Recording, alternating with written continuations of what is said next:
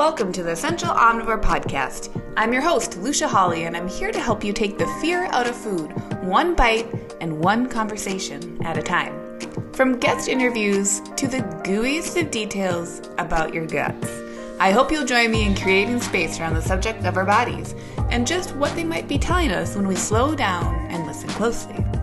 Remember that the information provided within this podcast is for general information and educational purposes only and does not provide medical advice, professional diagnosis, opinion, treatment, or services to you or any other individual. Hey everyone, welcome to another episode of the Essential Omnivore podcast. I'm your host, Lucia Hawley, and I'm really, really amped to have you listening to today's episode. I have Ashley Pardo on with me, and Ashley is a nutritional therapy practitioner as well as a private chef, so she really knows her food inside and out. And I personally am so excited because Ashley is moving from Miami to Portland in just a couple months. And for anyone who doesn't know, I also live in Portland. So really, really excited to have another entrepreneur NTP friend in the city with me. In our conversation today, Ashley and I talk all about what it's like not only being a highly sensitive person, as well as an empath and what that means when you're an entrepreneur, but how those traits really correlate with a relationship with food. And Ashley draws a lot and shares really deeply about her own personal experience dabbling in the gray area, making food and the relationship with food less black and white, all or nothing, coming into balance and how that really functions when you are someone who might identify as being highly sensitive, being empathic, or having these qualities that can make the world that much more interesting to navigate. So can't wait for you all to join in on what was just such a wonderful, wonderful conversation. So, Ashley and I have been, I feel like we were like circling each other in different places here and there. And then we actually finally got to meet in person for a brief hug at the yes. NTA conference, which was just so amazing. So, I have Ashley on today because I really want to highlight her story and her views on diet culture, on food intake, being a highly sensitive person, being an empath, and how all of these can come together for someone to thrive in their life versus feeling like they just have to get through their lives. I think, tell me if you agree, Ashley, where it's like there's so much more if we can allow ourselves to really settle into what we already have. First of all, thank you for that intro. I was so happy to once I saw you, I was like, that's her. Gotta go say hi. it's always funny when you know people on Instagram and it's like, I already know you and like know your whole story and everything. Exactly. But um I think oftentimes like for a long time I saw the certain aspects of myself as a hindrance and like just a big time bummer like the fact that I'm so sensitive, that I'm anxious, that, you know, I had issues with food for two thirds of my life. Mm. But those things have actually turned out to be the greatest gifts in my life. Like that took a lot of, it wasn't like a light switch, but through a lot of internal work that I did, therapy, like examining my own beliefs, I've just realized like, wow, these are actually possibly the most beautiful things about myself and they've provided me the greatest growth and at the same time have allowed me to really use my voice and mm-hmm. speak to other people in my surrounding life and just in general in, in my job and, and what i do to say that you know this is what i need this is what i need in order to thrive even for myself because that's tough for us sometimes too to say like i need to do this thing in order to just feel functional and it might be different than what other people are used to, but that's okay. It is. There can be space for that.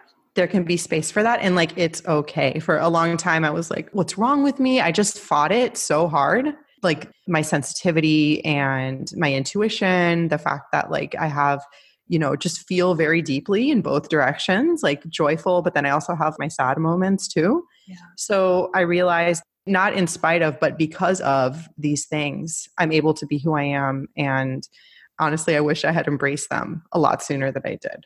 Right. I feel like that's a recurring theme for people who are, and I identify as someone who's highly sensitive and empathic and feels a lot of feels and can feel other people's feels pretty easily. And mm-hmm. I feel like I hear this a lot. People finally come to not even terms with, but like come to accept that these things that they've been made to feel uh, kind of oogie about yes, are actually yes. like these incredible gifts. And if we yes. can like supercharge ourselves and say like, no, like these are part of my battery pack that like gets me into this amazing space, just like you're doing, it then I think at the very least offers the ability for us to give back to others, even to say like, these are okay. These are more than okay. It's okay to be sensitive. Like how beautiful that can actually be. Yes. And it's also allowed me to also teach others to trust their lives.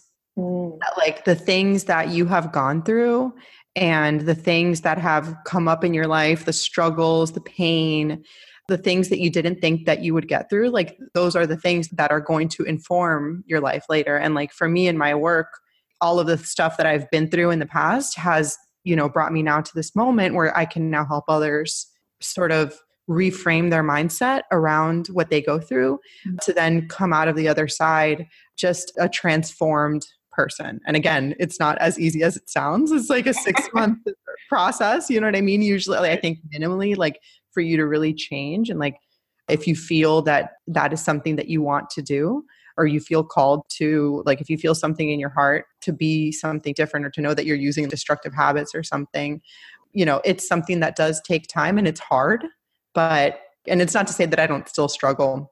I think we all do yeah. as like humans and stuff but you know i think that people underestimate the profound transformation that can happen because of things that they once didn't like about themselves or resented which is mm-hmm. what i was saying at the beginning how do you see that play out for your clients or, you know, for yourself? Like, how does that change process go for people? Are there certain themes that you've noticed through that three month or six month or, you know, that period of time where they're really allowing or trying to embrace change because change is really uncomfortable. It's super uncomfortable. Right? yeah.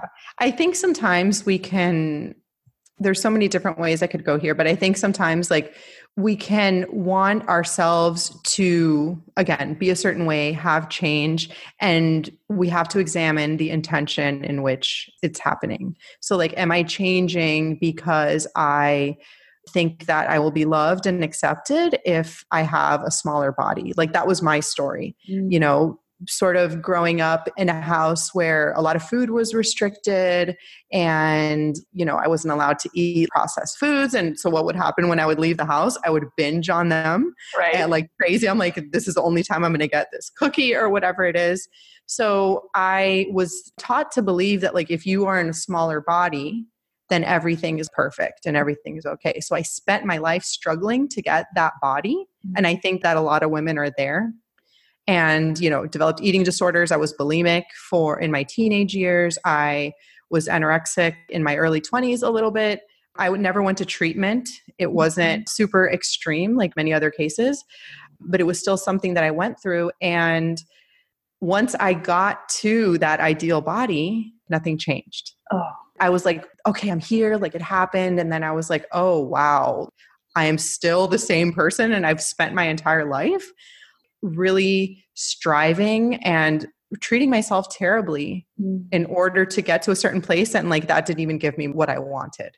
So I think that we can want things in our lives whether that's more money, a partner, a different body, but I think that if we're coming at it with that intention of like this will make me happy or this will fix me, that is never truly what we're looking for. So then once that happened and I was so disappointed in You're like, in, oh, I worked so hard. I worked so hard. And we're taught to believe that. Not only was I taught that in like my familial structure, but also with diet culture sounding its horns and at every on the TV and ads and magazines. So then that really took me down a path that was a lot deeper. I had to examine, and this is what I do with my clients too, like examining your beliefs what goes through your head every day? And then what are the behaviors that your beliefs are making you do that you're not really examining that you're just maybe going on autopilot or thinking that you have to do certain things in order to be worthy or something? So i think examining those deep beliefs and first seeing what you're thinking and then seeing what behaviors you're doing and seeing you know how do i actually want to feel? Yeah you might want something but what does that thing it's never really about the thing that you want. It's like, do you want freedom? Do you want to feel alive and bold and thriving? So go after that feeling and then, you know, eating and moving and making money and stuff like that just becomes, I don't want to say effortless, but it becomes dictated by your own internal compass. Mm. Again, I don't want to say effortless, but like it becomes natural. Like, oh, I'm naturally going to choose certain foods that make me feel great versus doing it and maybe sometimes not and that's part of the process too. But instead of doing it because like somebody put this rule on me or i put this rule on myself. So i think it comes down to like examining what we truly want and then taking the healthy steps and sustainable steps in order to get there. But it really takes you know looking at what is happening inside of your heart inside of your mind what you feel you deserve how you feel your level of worth is your self-esteem you know, all of that stuff that's inside of us, I think is what really, truly we all crave and want. Yeah, I love that. And it really sounds like it's bringing yourself into alignment. So, like saying, yes, okay, yes, are exactly. my thoughts and behaviors, are they aligned? If they aren't, can I recognize that perhaps without judgment or recognize like was it from family or you know greater culture dieting culture where did those thoughts come from and now that i see them would I like to choose to think something different? Or would I like to continue to choose them? I think that's something we don't always talk about. It's like, hey, once you have informed consent to your thoughts, your thought processes, you know, it's awesome, whichever route you take, as long as you're, again, feeling that alignment. Yeah. And I think knowing that, like, you don't have to believe all your thoughts either. Because I think another part of my journey was I went down into like spiritual rabbit hole. I read all of like Geneen Roth's work was really what turned me on to all of this. Like once I read Woman, Food and God, I was like, oh wow, it's really not about the fact that I like really love ice cream. It's the fact that like there's all of this other stuff happening that I never looked at. So then I went down that rabbit hole and I was like, if I do two hours of yoga a day, and if I meditate for 20 minutes, and I do all of this stuff that would rule my life, you know, this was probably six, seven years ago, then like I'm never going to have a bad thought again, a quote unquote bad thought or like a destructive thought. That didn't work. Like that whole, that whole like experiment that I did. So yeah. I think realizing that like you can hear things in your head. And this is something that I think, you know, as humans, we all go through. And like you don't have to believe it. You can actually choose something that is more aligned towards what you want and something that feels more powerful to you instead of being a victim of what your brain is thinking. Do you notice either in your own experience or with clients that there can be like a comfort in being a victim to some of those thoughts? It's definitely more comfortable. It's definitely the more comfortable thing because again it might be like decades that you have uh, given into those thoughts. And and yeah it feels kind of good to like be like yeah i suck and and now i'm going to do all of these things that makes that true for me. And for me actually even still in my life the things that make me feel good are hard. Mm. you know? So like i have to actually like fight a little bit in order to feel good and feel like I know I can feel and want to feel. You know, like I have to work out every day. That's not, and that's not coming from like a punishing aspect. It's like I'm a manifesting generator for human design. So I have like a lot of energy. And I just know that if I work out, I like expend that extra energy that I have. It's just night and day. Mm. Like my, the way I feel my body, the way that I think and it's you know even if it's just going on a walk or something where i'm moving first thing uh, so doing that and and then again reframing my thoughts or you know journaling which is very uncomfortable for me some mornings you know oh, but yeah. it's yeah it's like i don't want to do this or even yeah. sitting for a five minute meditation so i think recognizing that sometimes it does feel more comfortable to stay in that victim mode because it feels good it feels indulgent it's almost like delicious yeah to stay there but I think fighting for who we know we can really be can be a daily decision that especially as highly sensitive people and empaths who are can be brought down very easily it can be something that like we can just remind ourselves every day. And, and the days that we don't do them like it's fine too. I think it's also approaching you know it isn't about perfection it's just approaching it in a compassionate way. Like okay you didn't do that today but like it's fine. Like you can still you know go on with your day and be cool Well, it's like a practice, right? Like, yes. What is a practice like? Where does it get you? It's only going to get you somewhere if you continue to show up to it. But like yes. by that fact alone, once you have that consistency, that actually allows like little drops in the bucket where maybe you didn't journal that one morning. It's yes. okay. You can come back to the practice, or yes, weren't able to get in a workout that's okay. There is yes. tomorrow. So I think sometimes people make it into such like a black or white, all or nothing yeah. decision. Like, oh, I'm going to be this person who does this and that. And then it kind of comes back to that dieting mentality again. Yeah. Yeah. And living, it's, it's actually harder to live in the gray area.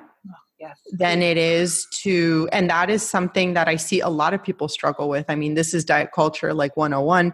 It's easier to stay in restrict and binge mode you know, because that's clear, it's easy, it's tangible. You have a food list, like eat these foods at this time and give me a meal plan, and this is what I'm going to do. Or pandemonium, like mental pandemonium. Yeah. Uh, I'm eating everything, I'm feeling like crap, you know, which is what I found myself in for most of my life, just that constant back and forth. So living in the gray where like your feelings dictate your the way you eat like what like the way that you feel on the inside like what do i like if you want you can have ice cream today like that is super scary for a lot of people but through working with clients through my own journey i really think that that gray area is the only place that is truly healthy mm-hmm. for us because food is so involved in social settings and our own pleasure and enjoyment and again, for a lot of people, it takes a long time to get there because they sort of have to find the groove and, and really re examine like, how do I want to feel every day? What foods truly work for me? Which ones don't? And that's a process as well. Definitely. It's a process. And it's a, again, it's like a practice. It's saying, like, yes. can I allow myself to practice and like trust that gray area? Yeah, it's and really scary for a lot of people. It's so scary. And it makes yeah, I want to validate that right? Yeah, it makes a lot of sense because our culture is saying like get in that section on like one extreme or get to the other extreme. Don't be in that middle. Don't trust the middle. Yeah, don't trust the middle and don't trust yourself. Mm. Like don't trust yourself. Have somebody guide you, have you know, have somebody like tell you what to eat all the time. And and that's never been my goal for like the people that I work with and even for myself, like to not think that someone else has the answers for me with my food or for my life or whatever it is. I do believe in in coaching. Like I have a business coach and I love being coached, but like I, I'm careful to always trust that like I've got myself and with other people too. If they work with somebody, I hope that they towards the end that person has equipped them with the tools so that they can go out on their own because i truly think that any sort of lifestyle plan quote unquote or, or whatever it is is only something that can be developed by you in order for it to be sustainable. Right. Right. I bet we could get into a whole like tangential dialogue or discussion around like coaches and gurus and oh gosh people, yes. right? Yes, I, I feel like yes. my view is that if you are standing true in being someone's coach, the ideal place is that they stop needing you at whatever yes. certain point. Like that's the whole point is to say, now you have the tools or the, you know, the thought processes or what have you. So you can go fly the coop, like fly out of that nest.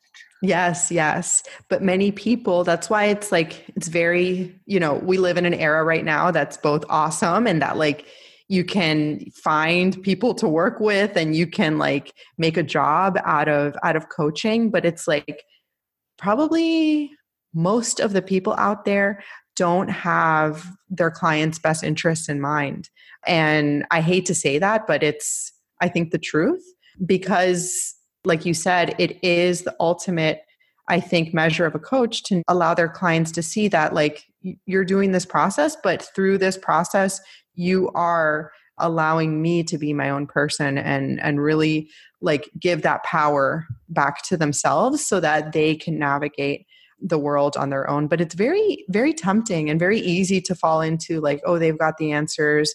Look at their life especially like we can see all this stuff on social media like they've got the answers they're better than me like the comparison thing that happens.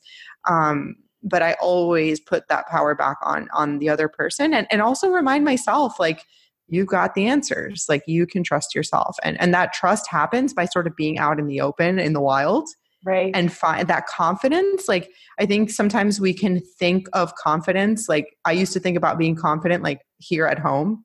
Like oh one day i'll i'll feel confident and i'll have a better self-esteem. But confidence and that trust really comes from like being out in the wild and learning to do it. Taking action on you know just tiny steps every day. Can you trust yourself to eat something that like you think you're going to binge on? Mm-hmm. you know? Even if it's just something tiny like that or like you know can you go out and have a difficult conversation with somebody right. that you really don't want to have and that you didn't think that you could do but then now you have evidence that you can do those things and a lot of those little tiny wins then add up to confidence self-esteem you know belief in yourself and trust too.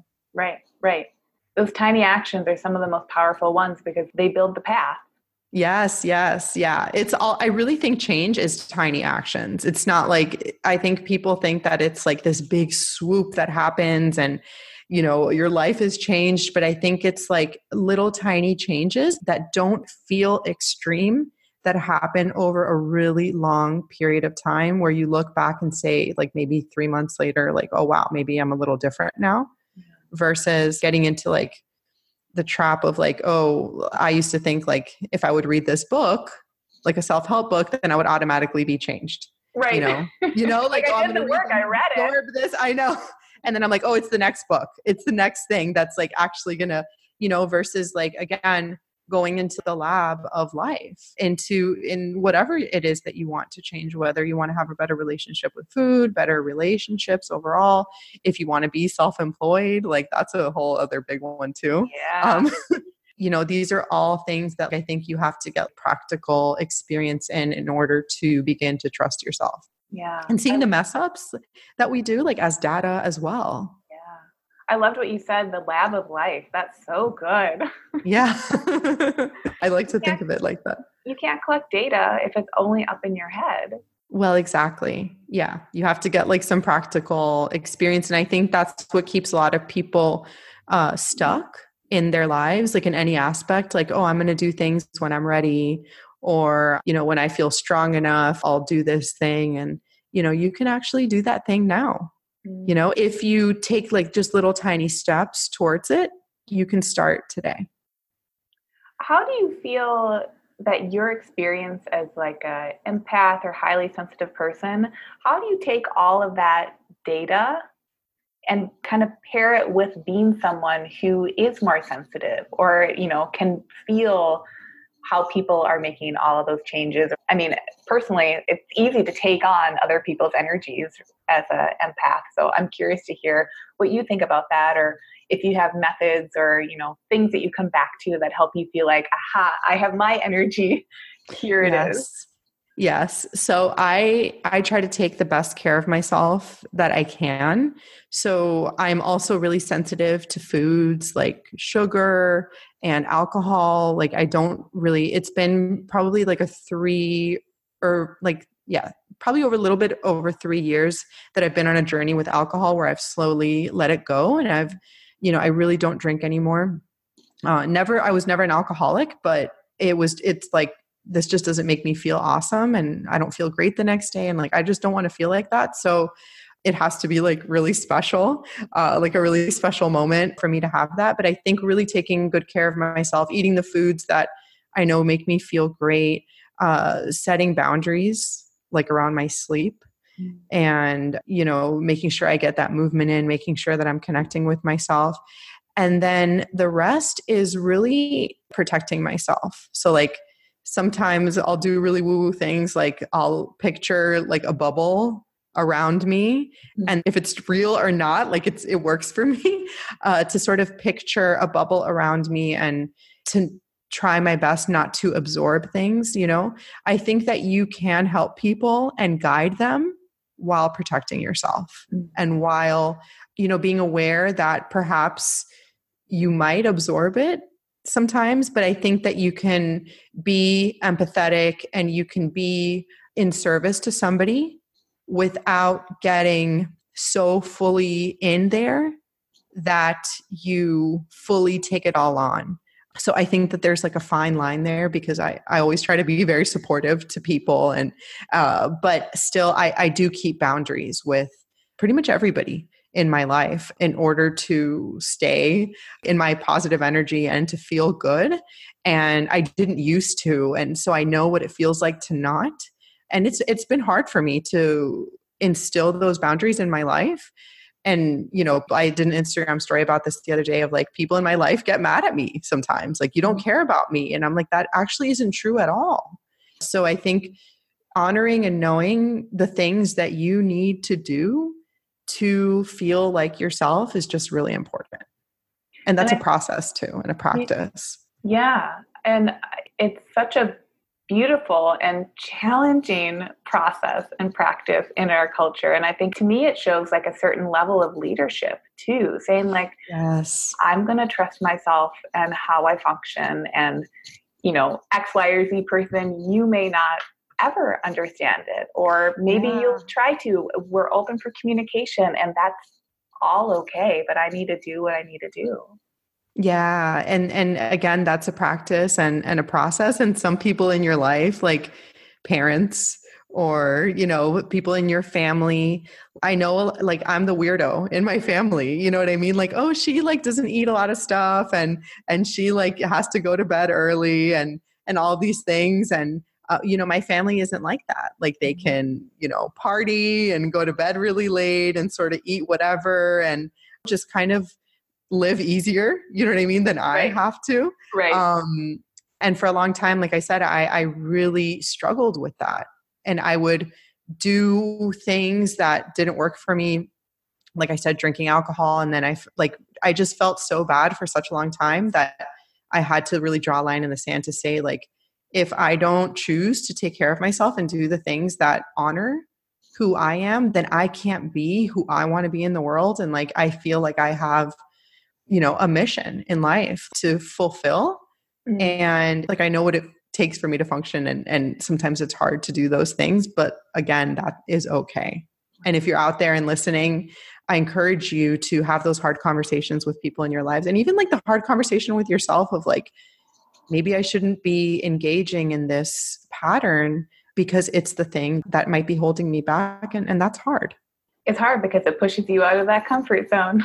yeah, but all the good st- or most of the good stuff happens happens there. Uh, yeah. which is another lesson that I've had to learn because I think as humans, we just, well, not that I think it's like a fact. We want yeah. to be comfortable. We want to, you know, feel safe. Our mind will actually like convince us, like, that the thing that we want to do, even though we might feel like it's our heart's calling or whatever it is, our mind will convince us, like, you shouldn't do that. Like, mm. it's okay. I'm a big fan of um, Steven Pressfield and The War of Art. Uh, and he, yeah, he's just, you know, that really validated me. I was like, oh God, like other people have these thoughts. Like, that's good to know yeah. that they feel these things. But I think again, it's back to that confidence of like you might be scared to go out of your comfort zone, but like maybe once you do it once with like something really small, even if it's just like you don't feel like leaving your house today, like it could literally be that little, like you don't feel like leaving your house and then maybe going outside. Right. Like that can be it. It doesn't have to be, you know, I think on social media and like in this world that we live in now, we think that these things need to be grand and huge and, and fancy and oh my God, but like it could literally be that it could be choosing to try a vegetable that like you haven't tried before right. uh, or saving money or whatever it is like saving five dollars like tiny things can really amount to big things later and it doesn't have to be this really extreme thing. It can just be this tiny thing that you can build upon which right. i think has been the theme of the conversation. You, you know? Guys, listen you can build. You can yes build yeah but also, you know, as adults, I think what is really fascinating is that they're usually, I mean, unless you have a coach or someone that you have hired or who happens to be in your life, but I think for most of us, there's almost this I don't want to say sad. I think initially it can feel sad, almost like the truth of like, if you want to do anything, it's on you, right? If you want to feel this way, it's on you. And that can feel such, uh, to me, it can feel like such a closed in statement. Like, how like lonely and like depressing is that? Like you yes. want to get something done, like, oh, good luck over yes, there. Yeah. but yeah. on the flip of it, I think it can really be the like most expansive statement. Like, well, yeah, you can do anything. So let's figure out what it is And then same thing, you might not get off to like a running start with it, or maybe you will, but yeah. you can trust yourself. It's coming back to that intuition. You can trust yourself to take the first step or to like put on one sock before you take the first step, wherever yeah, you are in the journey. Exactly. You can stay with that sock on for like two hours and yeah. then put the other one on, you know, in the next hour, you know, two hours. but I think what you just said, like, I think there's almost a moment of mourning when you realize, like, oh shit, it's on me. First of all, thinking back to like how many times you or how much time you've spent blaming external circumstances or putting like the onus onto somebody else or something else in your life. But then there's a shift that happens where it's like, oh, wow, oh shit, like now it's really up to me. Yeah. And having those little trusting actions that we can take are, are really where it's at. Yeah, building up that trust. Mm-hmm. So tell me then, what, I because I have the questions that I ask people on here. Mm-hmm. What is your idea of health? Ooh. So I think, you know, this was something that I struggled with for a long time. Like I thought health was the way a body looked. I thought health was, you know, having like a ton of muscle and just the typical body that you see. But like I said, I got to that place by starving, by not feeling great, and I didn't have a period. Mm. And I didn't um like I didn't have as much hair mm-hmm. back then either. So it's like I actually wasn't healthy back then. So I think health is truly I think feeling great physically in your body is very important. I think especially for us sensitive folks like if your body doesn't feel good, especially like if you're constipated or something like I don't think that you can truly access like your full mind and and truly you know inhabit your full body if you don't feel great and i think that for a lot of people that means like choosing foods that that work for you whole foods that keep your body feeling great but at the same time i think that health is also being mentally healthy mm. eating the foods that are going to keep you mentally healthier keep you you know 10 pounds heavier and away from that ideal body of yours that it was healthy to you like then that's health it's also uh, social health I tend to isolate a lot. Like that's my tendency to just, oh, I'll just like stay home today. But I never feel better than when I'm with other people. I mean, I like my alone time too, but. I think people like, especially people who are on the same like path as me, people who understand me. I think social health is really important. And I think spiritual health is important too. Like having something deep inside of you or, or something that you believe in that's like bigger than you as well. So I think it's a combo of physical health, mental health, you know, and emotional health, social health, and spiritual health all combined into one. So obviously, I think it's like multi layered, uh, but I think there's so much focus on the body yeah. nowadays. And for me, like when I really looked at my mental health and emotional health, spiritual health, and sort of like got to terms with all of that and felt like I was healthy there, my body came as a side effect mm-hmm. from that. Right. They all can like pick each other up and take care of one another. Yes. this extreme focus on one, maybe at first it boosts the others, but there can only be so much for all those moving factors if there's an extreme extreme view which i'm glad that you brought that up with you know like social media and just the information overload that we can have there because I do notice with you and I both in like the nutrition world, mm-hmm. there can mm-hmm. be a big push just to say like, well, clean up, and I'm using air quotes, like yes. clean up your plate and yes. your life will be beautiful. It'll be fixed. Oh yeah. Oh yeah. Yep. I went through that as well and it actually brought me to like the unhealthiest place. Like being almost well, not almost, I definitely was like orthorexic and put way too much focus on like the foods that I was eating to the detriment of my social health mm-hmm. and my mental health. This was like when I first found out about paleo in 2012 or 2013. But then, you know, I think comparing that to now where, you know, the way I eat is not perfect, but I have so many other facets of life that that make up all of that sometimes I question because I know the effect of like real food, of what that can do to the body and how really great you can feel. Sometimes I struggle a little bit with like, is what I'm saying coming across as diet culture Mm. You know, even though that is never my intention. Obviously, I've been through a lot. Like I am, you know, a big advocate for people not falling into that. But I think that like sometimes what I say isn't diet culture, it's sometimes the truth. Right. You know, that like, you know, yes, hyperpalatable foods do exist. Yes, sugar can make you feel like crap. And as long as you have that just in your awareness and you know, because I think knowing about nutrition is okay mm-hmm. uh, and important. So I think it's important to like know how foods make you feel and choose the foods that that work best for your body with the intention of just feeling great for your own self. Um, but that's something that I sort of struggle with because I'm like, I know that we need to eat protein. I know we need to have veggies. This is not diet culture. Right. This is just this is just the truth. So that's like something that I've tried to navigate because some of my clients come to me and they do want to lose weight. Right.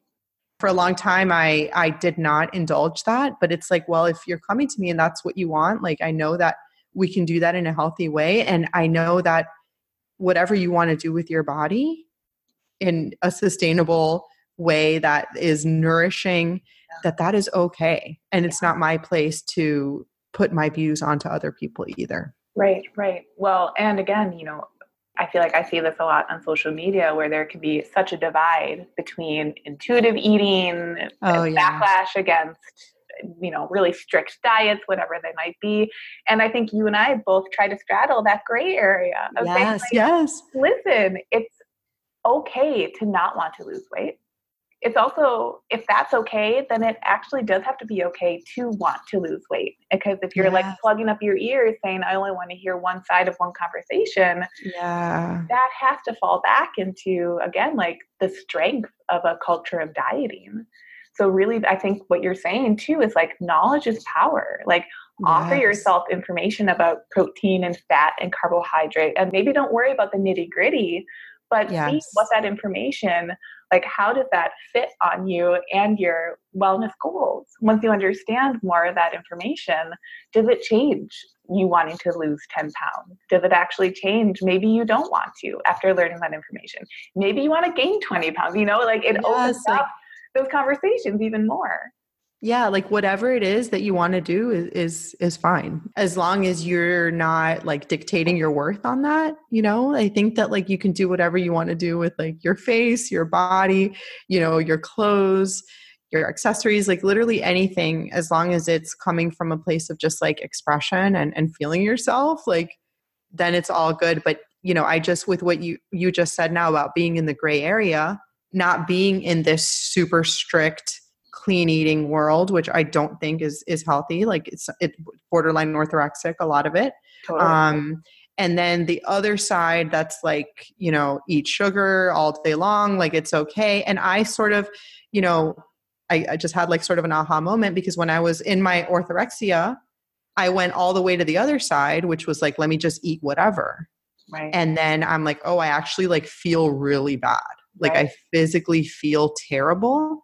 I can't eat sugar every day. Like me as a sensitive person, and that's not me being restrictive. That's not me being like, you know, a clean eating zealot. Right. That's me honoring myself and knowing what works for me. And sometimes saying no to a dessert is what I need to do in order to like, you know, use my brain at full capacity later.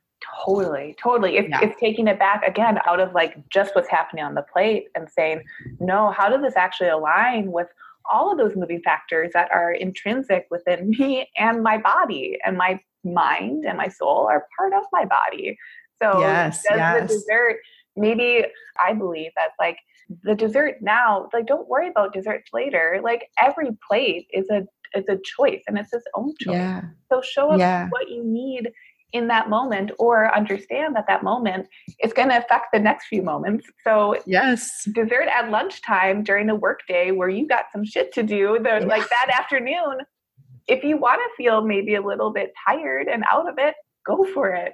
If you want yes. to up on the sugar, go for it. If you don't want either of those, maybe it's not the time for you to have dessert. And they're they're all valid. Yes, yes. But I also see a lot of, and I totally agree. And I see a lot of backlash, especially on social media, of like, oh, people who don't eat sugar have an eating disorder mm. or something. And I don't think that that's telling the whole picture. I don't think that's true. It doesn't tell the whole story. And like, perfect example, I don't really eat sugar that often, but I do eat it. I mean, I love it. Like, who, yeah. like, we're all human. It's, right. it's amazing. And I like, and I make really good desserts too. Yeah. um, I'm gonna have to bring you one uh, yes, when I please. see you. But you know, I had this dulce leche ice cream on Sunday, and my husband knows that like my mood changes when I have sugar. So he sees me eating it. He's like, "Oh no! Like what? what here, we go. Next, here we go.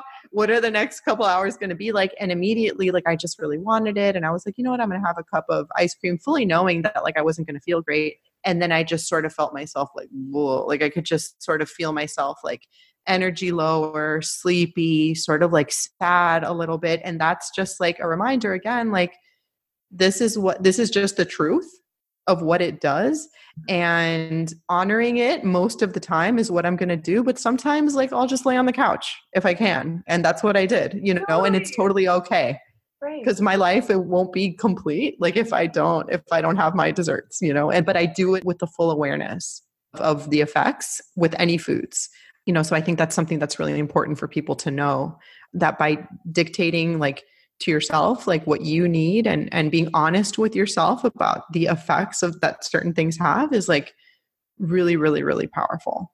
It's huge. It's huge that yeah. awareness is key. Mm-hmm.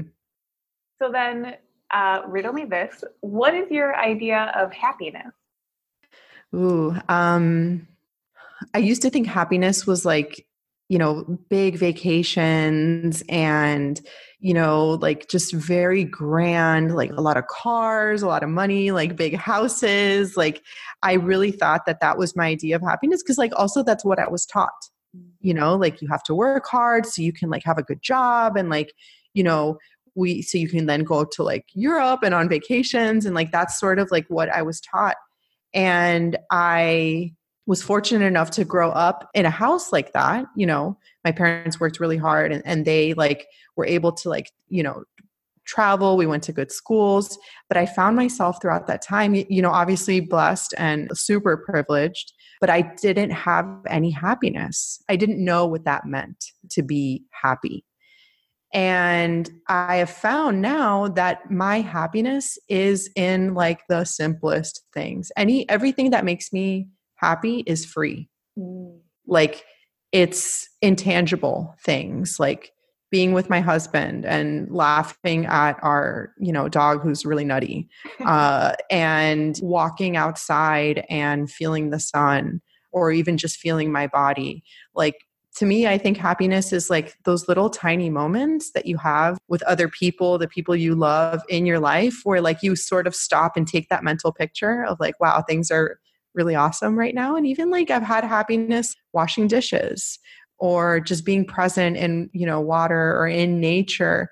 So I think to me, happiness is like being present in the moments that are truly simple and knowing that like, yeah, we're going to have like moments where we're sad or angry or really pissed and you know we can be present during those moments too but i think happiness is truly like just doing the work of feeling comfortable in your skin and then honoring those tiny moments that come along and knowing that happiness is accessible to you at most moments if you can access it because it's not it's not accessible at all moments. Like we all have our moments where we just can't like i just can't right now. I want to indulge my bad mood or, or yeah. whatever it is. But i think honoring those tiny things that happen and knowing that like everything that makes you happy can be free is great too because like I've done that or like you know a handbag or like a pair of shoes or or even a vacation or something thinking that that would make me happy and then just feeling empty after all of that for a really long time and knowing that like I always had it all along I just didn't know that it could be so simple. Oh, that's so powerful. It even what what you were saying too where it's like indulging those other moods or moods that feel off I think those have to be felt, right? In order to feel yes. happiness. It's like they're all in the bag together, they're all on the table, whatever, horrible metaphor, but like they're all yes. there to pick. So we have to acknowledge them or move through the ones that maybe were again either told by society are bad or we shouldn't be feeling you shouldn't be feeling sad or depressed or overwhelmed right now you should be able to get through those well if we stop and let ourselves feel them then that's also practice in the gray area so that when we do have an experience of happiness or joy or something that is maybe feels a little more uplifting then we feel like we have the right to feel those too and be present in them yeah and, and you know i think life is balance and ebb and flow like everything about like I have this weird fascination with space and like mm-hmm. the solar system and yeah. like just the vastness like i can't even like e- even begin to think about like how vast it is. Um but like you know the energy of the world and like how things balance out and how there's seasons and how there's an ebb and a flow to life that there's duality mm. too that like we can have peace but then also feel pain at the same time. Or you know if we have a moment of happiness then maybe like something else is coming later. But i think the thing about life is that we have to be present to it all. Like Ram Dass is somebody who I really love. He's a spiritual teacher, and he has this line that uh, he says that's uh, literally, I want to eat it all. Mm. I want to eat it all. And that's what I remember that, like, in my moments of joy, another one's coming, you know, that's not going to feel as great at some point but I'm going to have to want to eat that too. I'm going to have to embrace it because in the shutting down and the numbing and all of this, and like it doesn't feel awesome, but I think knowing that like you can, because I had also like a history of like numbing, you know, and distracting myself for a long time of like really not feeling things. But I think that like once I stood in a feeling for a long time, uh, and sort of stood within it and knowing that I could, seeing that I could withstand it. Yeah. Was like, wow, I'm actually more powerful than this feeling and I can withstand a lot, you yeah. know, and, and I don't need to, I don't need food. I don't need, you know, social media or my phone or another person even to mm. distract myself from feeling the things that I need to feel. Right, right you can withstand the feelings and the feelings are okay. They're going to be that it's okay. That's life. That's yes. that's the big like that's the beauty of it. Yes yes yes. Totally. So then my last question that i ask everyone what is your favorite word? Ooh. I really think my favorite word is charisma. Ooh. just, just because that's the first thing that pops into my head just because I think that we think that only certain people can be magnetic or powerful or charismatic. Like I never used to think that like I could be like a charismatic person or could attract others towards herself. Yeah. But I think that like we are all charismatic and we all have that within us. Um, just because I think that there's like a beautiful energy that happens when somebody is like in alignment yeah. and living their truth and, and being authentic. So when I hear the word charisma, it's like, oh, that person is, you know, honoring what they feel on the inside. They are like, you almost feel like they're sparkly. I was gonna say they're like shining bright. They're golden. Yes, they're like they're golden. Something. Yes, yes, and I don't mean charisma in like, you know, like a man being charismatic or something. You know what I mean? Yeah. I just mean like you as a person can embody the things that you want and you can do things to honor yourself and things that make you feel alive and whatever that is for you like that is okay and that is what's going to then convey that charisma mm. in order to just be who you want to be and, and attract others into your life. Right, right. It's almost like making it okay to be your, it's like coming back to that leadership. Like, I can trust that I can fully embody myself and be who I'm going to be in like the beauty and the messiness of all of it. And as I trust that, that's going to emanate that feeling forward and be like a beacon of light for others to say, oh, they're doing it. Well, maybe I could too. I don't know. It's yes, scary, yes. but put yes. that one sock on and sit for a couple yeah, hours. Yeah. We'll yeah, yeah. yeah, exactly. And I think really like just again, like you can just tell if somebody talks to me and like they're i don't know out of alignment or like they're lying or or something like i can just feel like oh, like I oh, just don't want to be around that. And, you know, it's almost like repelling. But I think for ourselves, it's important to, you know, like attracts like you know and and certain things attract themselves i've just over the past several years i've really like dug into like that work of you know attraction and magnetism and living your authentic truth and elevating your self-worth so i think that like by you embodying yourself being that charismatic version of yourself and by charisma i just mean shining yeah. you know you will bring the things the opportunities the people into your life that are meant to be there and that you might need to move forward and at the same time they might need you too that's beautiful. It's really respecting, you. you. know, it, it, it moves it away because there's a whole conversation with like codependency and all of that. Oh, yes. it's so fascinating, especially as sensitive, empathic people. Uh, but I really, I think that is so moving where it's like you honoring how you get to be honors how the other person gets to be. And that means that there's going to be more of a true joining or like partnership in whatever you know tier or level of a relationship it could be. It's not just romantic relationships by any stretch. It's no, really yeah. saying like i honor myself you honor yourself and like man that's powerful yeah then we can meet yeah. you know whether that's like you know a friend that you want to have whether that's like a business partnership whether that's like an opportunity that you need. By you shining that light it's going to just attract like so many different things have happened in my life that like the more i step in the more like that is proved to me yeah. that you know attraction is there's like an energy happening that like calls certain things to it and by encouraging people to stand in their light in their power in their own self a lot of really cool stuff can happen and what's great about that is that you only need to worry about you yeah. You know, oh, feel free. You know, yeah. It's like, I don't need to like, you know, because a lot of times I spent forcing and like just really trying. And I mm-hmm. think by like just focusing on yourself, a lot of really cool stuff can happen by default. By default, yes. Alignment yeah. by default. yes, exactly.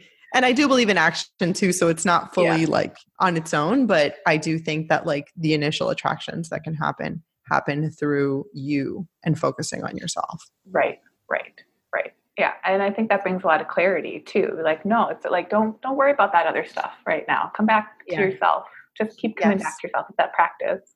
Yes, yes, yes.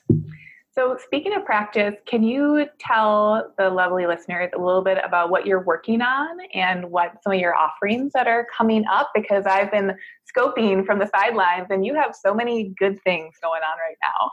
Yes. Um, well, as we were talking about, I really have been focusing for the last 18 months on stepping had a personal chef business for almost seven years, which is crazy to think that it was that long. So I really like, you know, throughout that time, I spent it like, you know, writing stuff down and, and really just taking notes on like cooking and business and being self employed. So these past 18 months i've really like stepped it up and turned up the volume on all of that which has been a journey in and of itself. Yeah. But i've been mentoring women on nutrition and business. So i have a business mastermind that i help women grow their online businesses.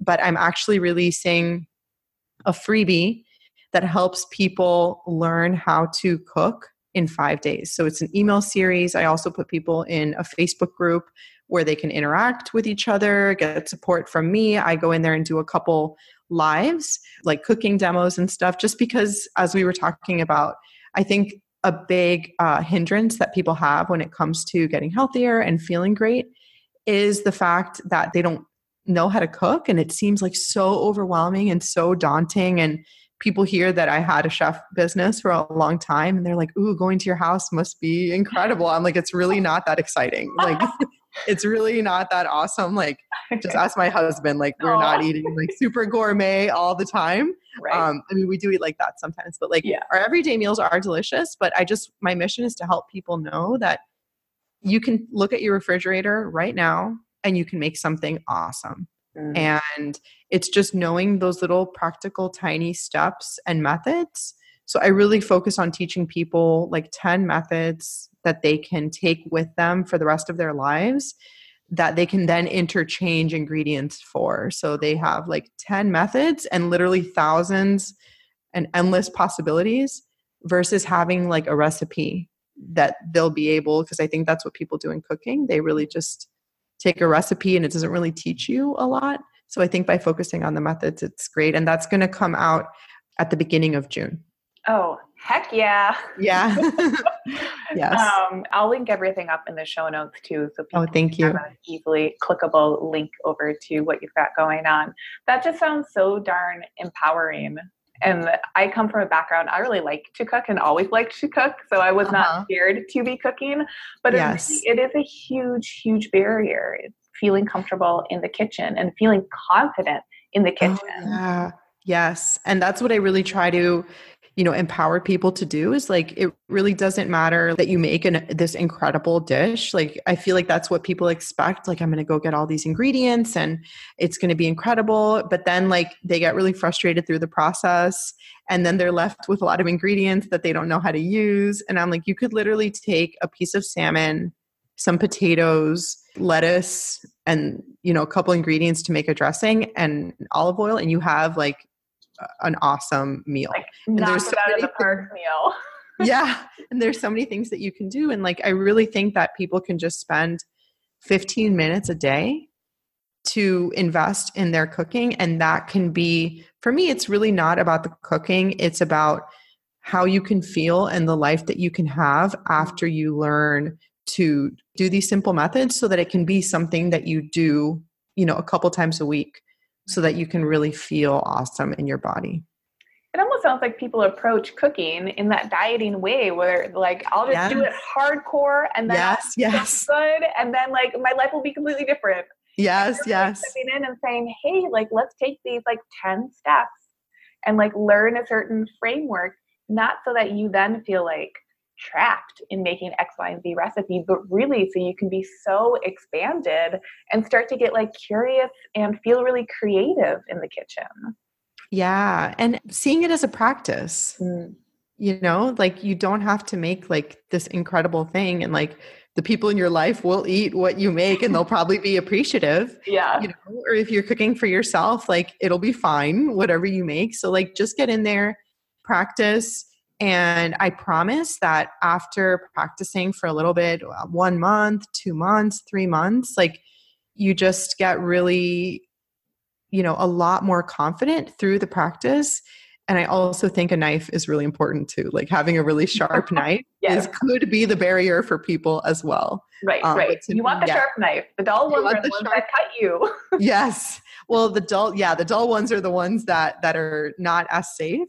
Um, so I think by having just really simple, practical methods, techniques, tools, like you can really just make a huge difference in like how you feel to then fulfill your your purpose or whatever it is that you want to do so you can feel energized and equipped in life.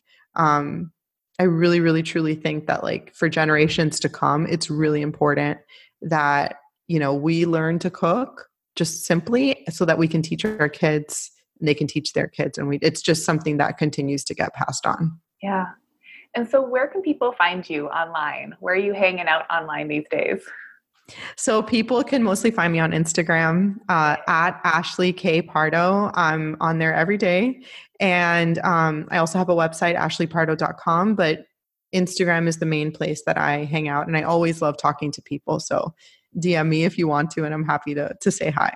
Yay! Well, thank you so much. This has been an amazing conversation. And uh, for anyone who doesn't know, Ashley is moving to Portland, which is where I am, in a couple months. So I'm like yes. making sure that she's going to have some tea or coffee with me. In a yes, 100%. and we'll cook together too, because we're going to yes. be living close together. And oh yeah, I'm super, super, super excited for that. Me too. Well, thank you so much for this conversation. It's been just incredible. Oh, my pleasure. It's been an honor to be on. And, and thank you also for having me. Hey, thanks so much for joining along on today's episode. For full archives of past episodes, hop on over to essentialomnivore.com or subscribe to the Essential Omnivore podcast on Apple Podcasts or Stitcher.